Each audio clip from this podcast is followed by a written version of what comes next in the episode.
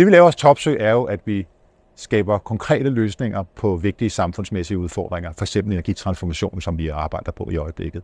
Københavns Universitet spiller jo en utrolig vigtig rolle i at skabe det, det grundlag, som er nødvendigt for at udvikle fremtidens løsninger. Det kræver fremadrettet, at I fastholder en nysgerrighed og er, kan man sige, åbne over for, hvad det er for nogle samfundsmæssige problemer, vi står overfor.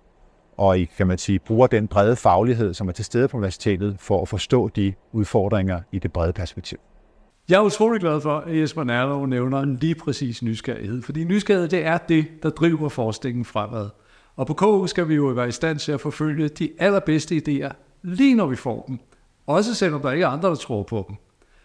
God forskning kræver tid, masser af tid, og på KU skal vi skabe rammer for, at man kan koncentrere sig og fordybe sig i sin forskning, også den forskning, der kræver, at man går på tværs af faggrænserne.